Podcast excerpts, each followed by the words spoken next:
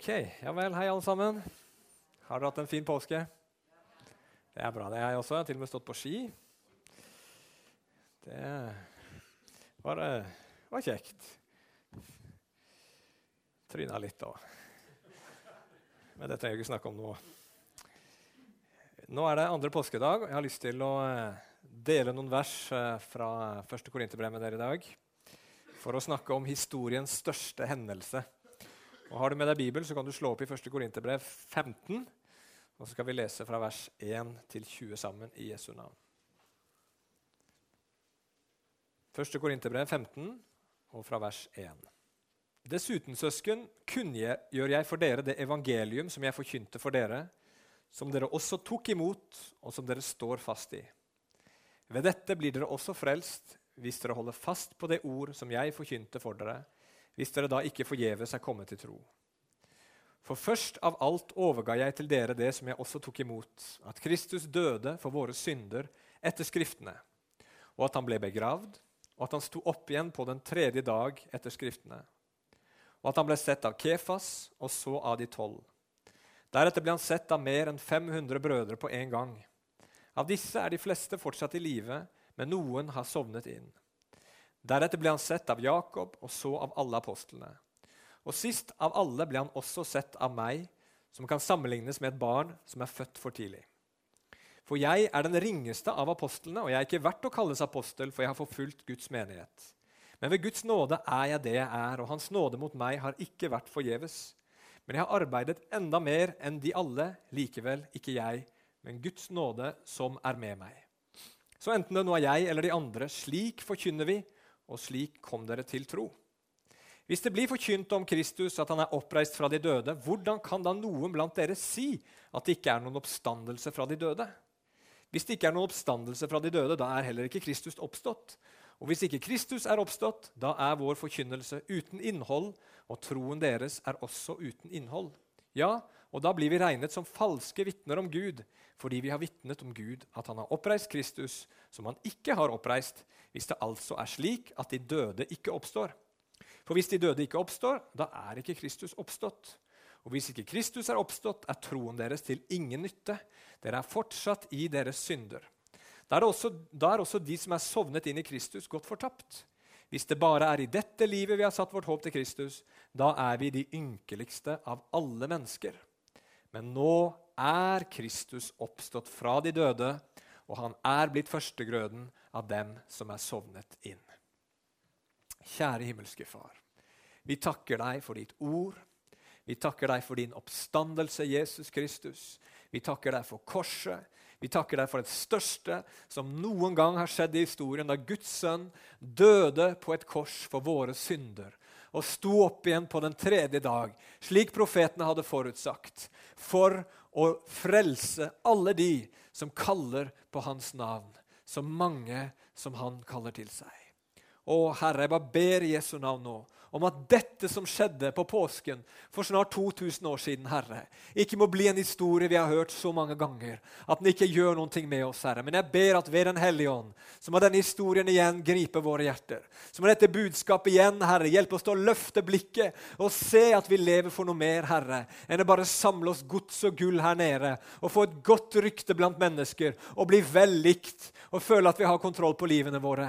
Nei, Gud, vi lever for noe større, vi lever for noe høyere, Herre. Herre. Og det, Herre, det ser vi når vi ser på korset, når vi ser på oppstandelsen, når vi ser på det du har gjort for oss. Så Helligånd, jeg ber deg, hjelp meg nå til å forkynne. Og jeg ber deg for alle som sitter her nå, at vi må ta imot fra deg, Gud. Og at ordet må bli levende i våre hjerter. At det må bli tent en brann i oss, Herre, som gjør at vi ikke kan la være å tale om det vi har sett, og det vi har hørt. I Jesu navn. Amen. Denne teksten her er henta fra et brev som heter Korinterbrevet.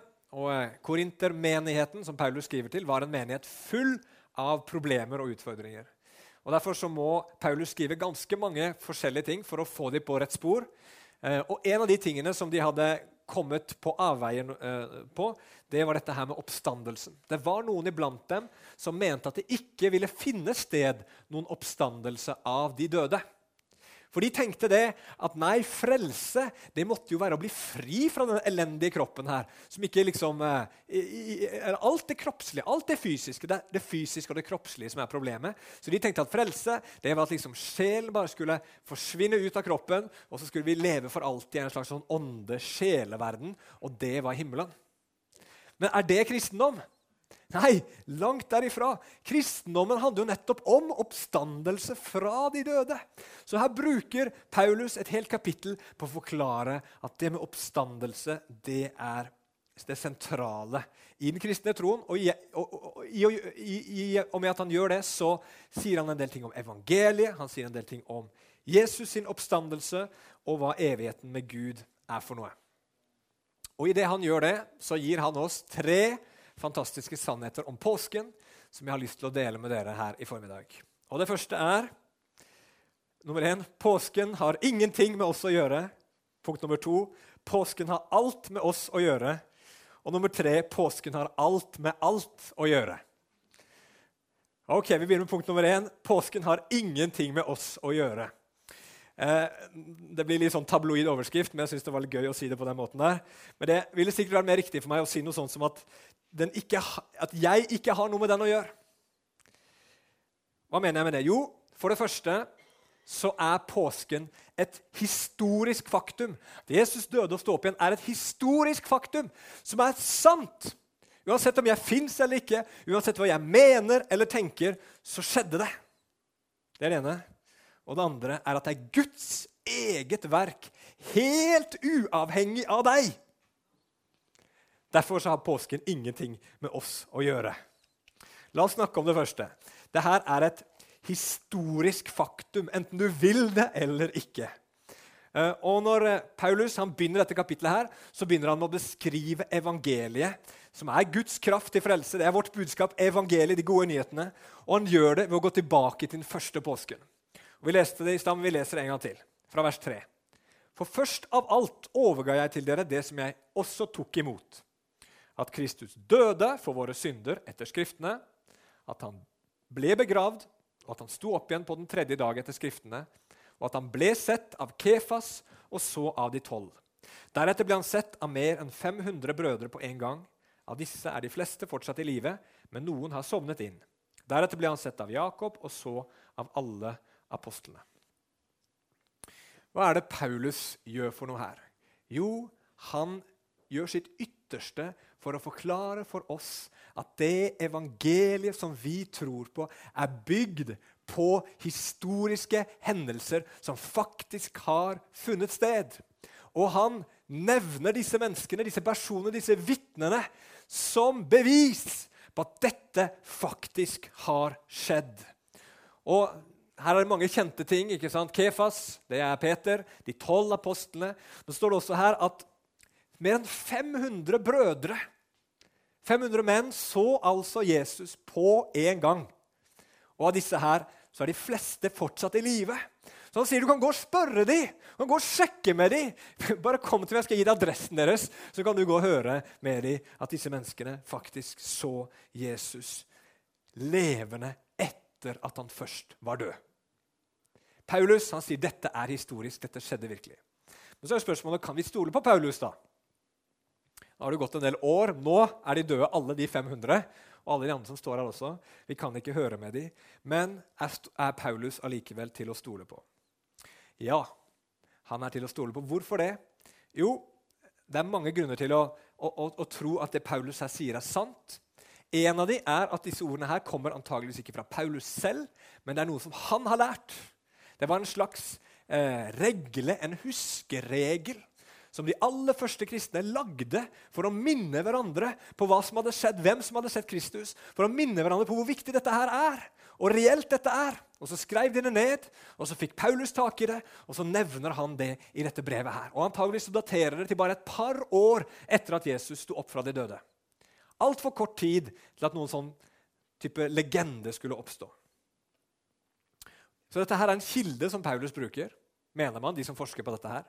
Og ikke nok med det, men I hele Det nye testamentet, når det snakkes om Jesu oppstandelse, så ser vi tydelige spor av at her har man brukt gamle kilder. Her har man flere forskjellige kilder som man har denne informasjonen fra. Og Når man driver med historieforskning, så er noe historisk etablert som et faktum hvis man har mange kilder som bekrefter det samme. Og Når man ser på Bibelen og liksom undersøker det som en rent historisk kilde, så kommer man fram til i hvert fall fire sannheter. Og Det er for det første at Jesus virkelig har levd og døde på et kors. Det andre er at han ble lagt i en grav etter at han først var død. Det tredje er at denne graven ble funnet tom tre dager etterpå. Og det siste er at de første kristne var fullstendig overbevist om at de hadde sett han i live igjen etter at han var død og de var villige til å dø for den overbevisningen. Hva forteller disse historiske, liksom disse historiske faktaene oss? Jo, at et eller annet må ha skjedd som det ikke fins noen naturlig forklaring på. Og hva var det som skjedde? Jo, evangeliene er helt entydige. Jesus sto virkelig opp fra de døde. Så dette her er en historisk hendelse. Vår tro bygger på en historisk hendelse som faktisk har funnet sted i tid og rom. Uansett hva folk mener, uansett hva folk tenker, uansett om folk tror eller tviler, så skjedde dette virkelig. Derfor så har det ikke så mye å si hvem jeg er, og hvor jeg er. Dette skjedde. Er dere med? Det andre er at dette er Guds eget verk helt uavhengig av deg og meg. Hva betyr det? Jo, dette her er mye mer enn en uvanlig historisk hendelse. Dette som skjedde i påska for snart 2000 år siden, var et Guds verk. Det var Gud som gjorde det. Vi leste i teksten her for det første Kristus døde for våre synder etter Skriftene. Han ble begravet, han sto opp den tredje dagen etter Skriftene. Helt siden David, og før det også, så har det vært profetier i Det gamle testamentet om at det skulle komme en konge, en Messias, som skulle sette alt i rette stand. Det har også vært profetier og det har vi sett når vi har gått gjennom første Mosebok, og forbilder som har pekt på at alle ofrene i Det gamle testamentet pekte fram mot et fullkomment offer for alle våre synder.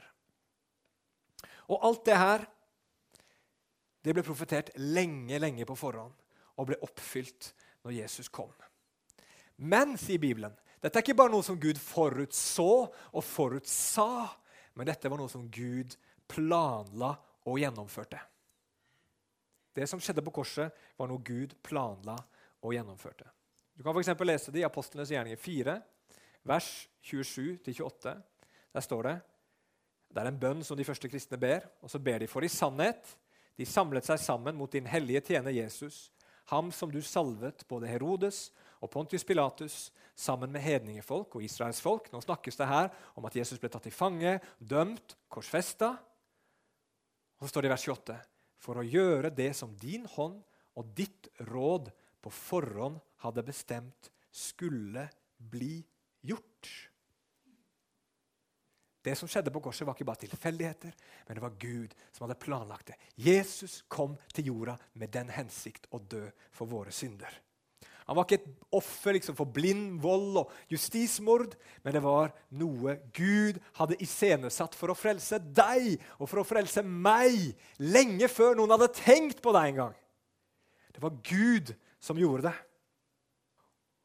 Og Paulus sier videre at det, det, det, verket der har så lite med deg og meg å gjøre at om Jesus ikke hadde stått opp fra de døde, om ikke dette hadde blitt gjort, ja, da ville vår tro vært uten innhold. Uansett hvor mye du trodde på det her, så ville troen din vært uten innhold hvis ikke det faktisk skjedde. Hvis ikke Jesus døde og sto opp igjen, så hadde det ikke hatt noen betydning hvor hellig du lever, eller hvor mye godt du gjorde. Du ville fremdeles vært i dine synder, og du ville fremdeles gått fortapt. Og Det er i den forstand jeg mener at dette her har ingenting med oss å gjøre. For det er noe Gud har gjort for oss. Det er ikke noe vi har gjort for Gud. Men det er Han som har gjort det fra begynnelse og til slutt. det er vår Gud og vår frelser. Og Derfor kaller vi dette her for et evangelium. Og Et evangelium det er ikke et ord som vi kristne har funnet på, men det var et ord som var veldig vanlig i den greske og romerske verden på den tiden Jesus levde. De fleste har sikkert hørt om maraton her.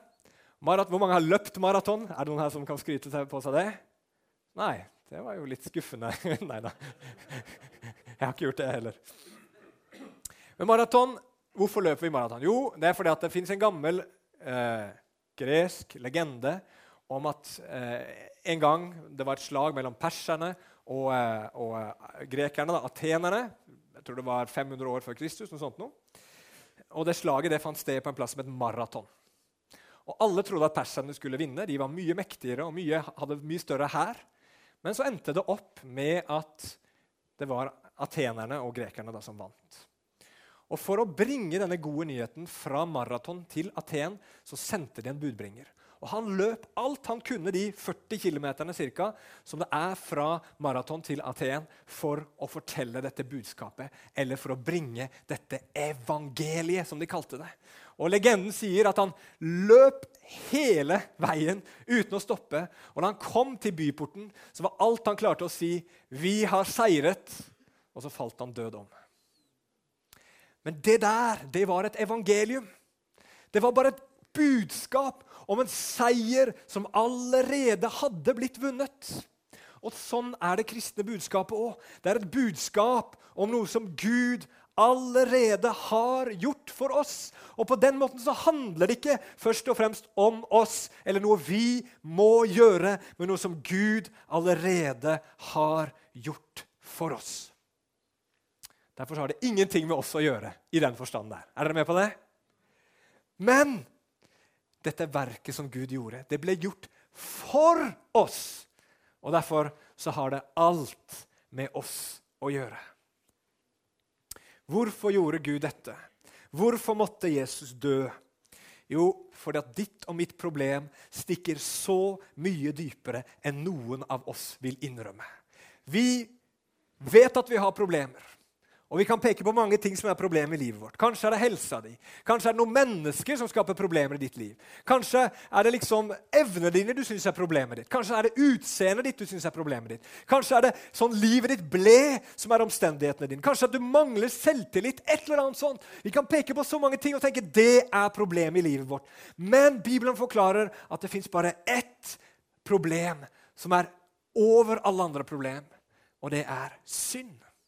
Og hvis alt det andre var på plass, om vi hadde topp helse, bare gode venner, fantastisk jobb, nydelig liv, om alt var bra Men det er det problemet der synd ikke var løst i livene våre, så hadde det ikke vært noe som helst verdi, alt det andre. Jeg er en synder, og jeg har kommet bort fra Gud. Jeg gjør det som er galt. Jeg står skyldig framfor en rettferdig Gud, og jeg har mista Guds herlighet. Det forklarer Bibelen er den største tragedien for oss mennesker. Vi har mange problemer, mange utfordringer, men der er det store problemet. Jeg er en synder. Og selv mine beste gjerninger, selv det beste jeg får til, er gjennomsyra av egoisme, selvhevdelse og dårlige motiver. Selv mine beste gjerninger er ikke rene for Gud. Jeg har ingen måte jeg kan frelse meg selv på. Det fins ingen måte jeg kan få denne synden ut av mitt liv. Det betyr at jeg trenger hjelp. Jeg trenger hjelp, og Gud har sendt hjelpen. Og det var det som skjedde på Golgata for 2000 år siden. Derfor handla det om deg. Det handla om meg. Det handla om at min synd ble korsfesta og nagla til Jesu hender og føtter da han hang der. For min skyld og for din skyld. Men dette har blitt gjort. Du får høre det nå. Og så står det i Bibelen at vi må gi gjensvar. Vi må respondere. Og Paulus sier her i vers 1 og 2 at vi må ta det imot. Vi må stå fast i det. Vi må holde fast på det. Vi må tro det. Uten det så blir vi ikke frelst. Hvis ikke du tar imot, står fast i det, holder fast i det Jesus har gjort for deg, så kan du ikke bli frelst. Da går man fortapt, sier Bibelen. Hver den som tror på ham, skal ikke gå fortapt, men ha evig liv. For å bruke en illustrasjon, Det er som om vi ligger ute på et åpent hav. Dette er ikke en ny og kreativ illustrasjon, men den funker. Du ligger på et åpent hav, og du holder på å drukne. Sånn er vår åndelige tilstand. Og Så setter Gud i gang en redningsaksjon får redningsskøyta ut. Hiver livbøyen i vannet ved at Jesus døde for oss å stå opp igjen. Og så må den som holder på å drukne, gripe tak i livbøyen. Ta imot den redningen som blir tilbudt. Og Sånn er det for oss også. Vi må ta imot den redningen som Gud tilbyr oss. Vi må tro på det, vi må stole på det. Vi må tro at det som skjedde, faktisk er sant, og at det faktisk gjelder meg. Og Jeg tror de aller fleste her inne allerede tror det, og det er bra. Men bare husk på det her. Vi må stadig vekk holde fast på det. Vi må stadig vekk klynge oss til den sannheten. Vi må ikke slippe den. Vi må ikke glemme den. Vi må ikke glemme at vi er frelst av Guds nåde. Vi må ikke glemme at våre liv bygger på et fundament som ikke har noen ting med oss å gjøre, men alt med vår frelser å gjøre. Der må du bygge livet ditt. Amen. Det står i Bibelen at den rettferdige skal leve av tro. Ikke bare tro én gang, men han skal leve av tro. Vi må holde fast på det.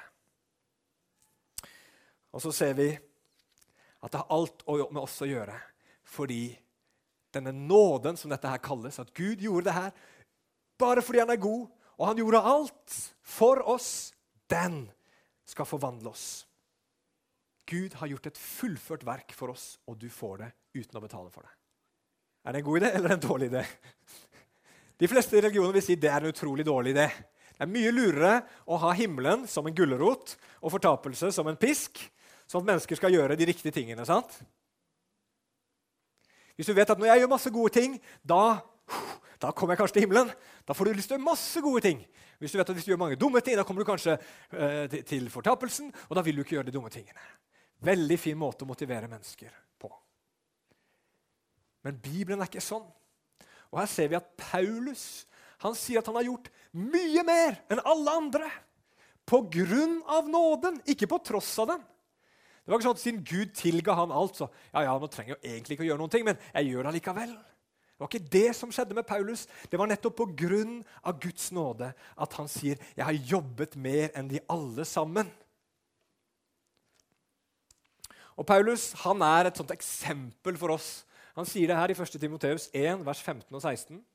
Dette er et troverdig ord og vært full mottakelse, at Kristus Jesus kom inn i verden for å frelse syndere, og blant dem er jeg den største. Men av denne grunn fikk jeg miskunn for at Christus, Jesus Kristus først kunne vise all tålmodighet på meg som et forbilde for dem som skal komme til tro på ham til evig liv. Hva betyr det? Jo, Paulus sier, 'Jeg er den største synder, men jeg fikk allikevel miskunn.' Og det, Da er det sjanse for deg òg. Hvis jeg kunne få miskunn, hvis jeg kunne bli frelst, da kan du også bli frelst. Og hvis jeg kunne bli brennende for Jesus gjennom den nåden jeg fikk, så kan du også bli det. Og det handler om, tror jeg, å se det som Paulus ser, og som han stadig forteller oss i, sitt, eh, i sine brev, nemlig hvor dypt vi hadde falt. Hvor langt borte vi var fra Gud, hvor håpløs vår situasjon er, hvor forferdelig fortapelsen er. Og der var vi alle sammen på vei. Men midt oppi dette her så kommer Gud med sin nåde. Sin enorme nåde, sin ufattelige nåde. Og han betaler en pris som ikke vi kan begripe engang, når han gir sin sønn til å dø for våre synder på et kors. Og om vi må få kunne fatte høyden, dybden, lengden og bredden av det Jesus har gjort for oss. Og Jo mer vi ser den nåden, jo mer blir hjertet ditt brennende og takknemlig. Og du sier ikke 'Å, denne nåden den gjør meg så glad at jeg får ikke lyst til å gjøre noen ting'. Nei, denne nåden gjør deg så glad at du får lyst til å tjene. At du får lyst til å være trofast. At du får lyst til å fortsette litt til når det blir vanskelig og tungt å følge Jesus. For det Jesus har gjort mot deg, blir alltid større enn hva enn du kunne klare å gjøre for ham. Det er drivkraften. Så det korset har alt med ditt og mitt liv å gjøre. Og når denne nåden får synke inn, og Guds hellige ånd får åpenbare det for oss igjen og igjen, og igjen, så sier vi ja, Herre, her er jeg, send meg. Herre, jeg vil gå, jeg vil be, jeg vil tjene, jeg vil gi mitt liv. Og Det siste punktet mitt er at det har alt med alt å gjøre. Og hva i all verden betyr det? At det har alt med alt å gjøre. Jo, helt i slutten av eh, det vi leste i dag, så hinter Paulus til noe. Han sier i vers 20 Men nå er Kristus oppstått fra de døde, og han er blitt førstegrøden av dem som er sovnet inn. Hva er førstegrøden av dem som er sovnet inn? Vel, I Israel så er det, er det, i hvert fall så gjorde man det før, jeg vet ikke om man fortsatt gjør det nå, i hvert fall var det sånne klimatiske forhold at når du liksom drev og dyrka jorda, så kom det alltid en liten høst før høsten. Det kaller de for førstegrøden. kom det noen, noen, noen liksom sånne eh, noen epler på epletre som kom før liksom alle eplene kom.